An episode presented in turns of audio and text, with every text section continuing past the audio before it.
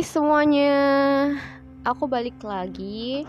Semoga kalian gak bosen dengerin podcast ini.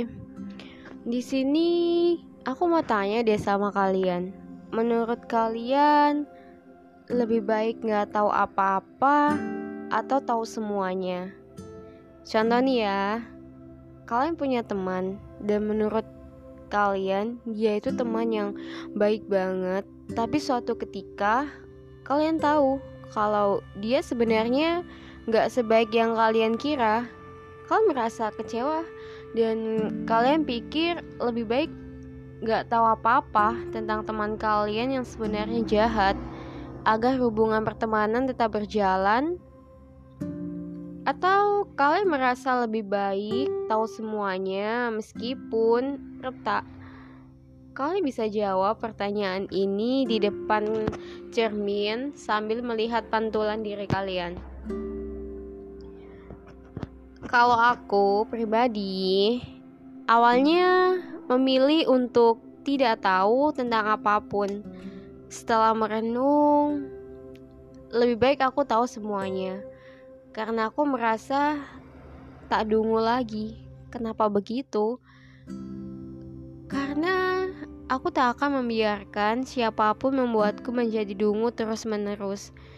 Bayangkan bila kita hidup dalam kebohongan orang lain. Orang yang luar biasa baik dan terlihat begitu tulus, tapi ternyata hanya mengelabui kita. Kita begitu terlihat dungu di mata orang itu. Apa kalian akan bisa menerima itu semua? Jika aku tentu saja tidak. Untuk apa memiliki teman, sahabat, atau pasangan yang membuat kita dungu dengan segala kepalsuannya? Hidup dalam kepalsuan yang terlihat indah, namun tak sehat. Sama saja menyiksa diri lebih dalam. Kenapa begitu bahagia saat orang lain membuat diri kita menjadi dungu? Seharusnya kita bersyukur dengan kita mengetahui semuanya, kita bisa pergi dari orang yang jahat. Pergi meninggalkan orang yang membuat kita dungu dan semua kebohongan yang begitu kejam. Jangan pernah terlena dengan ucapan maaf. Kita bisa memaafkan, namun tidak ada kesempatan kedua bagi orang yang telah menipu diri kita. Jangan biarkan orang lain membuat kita dungu.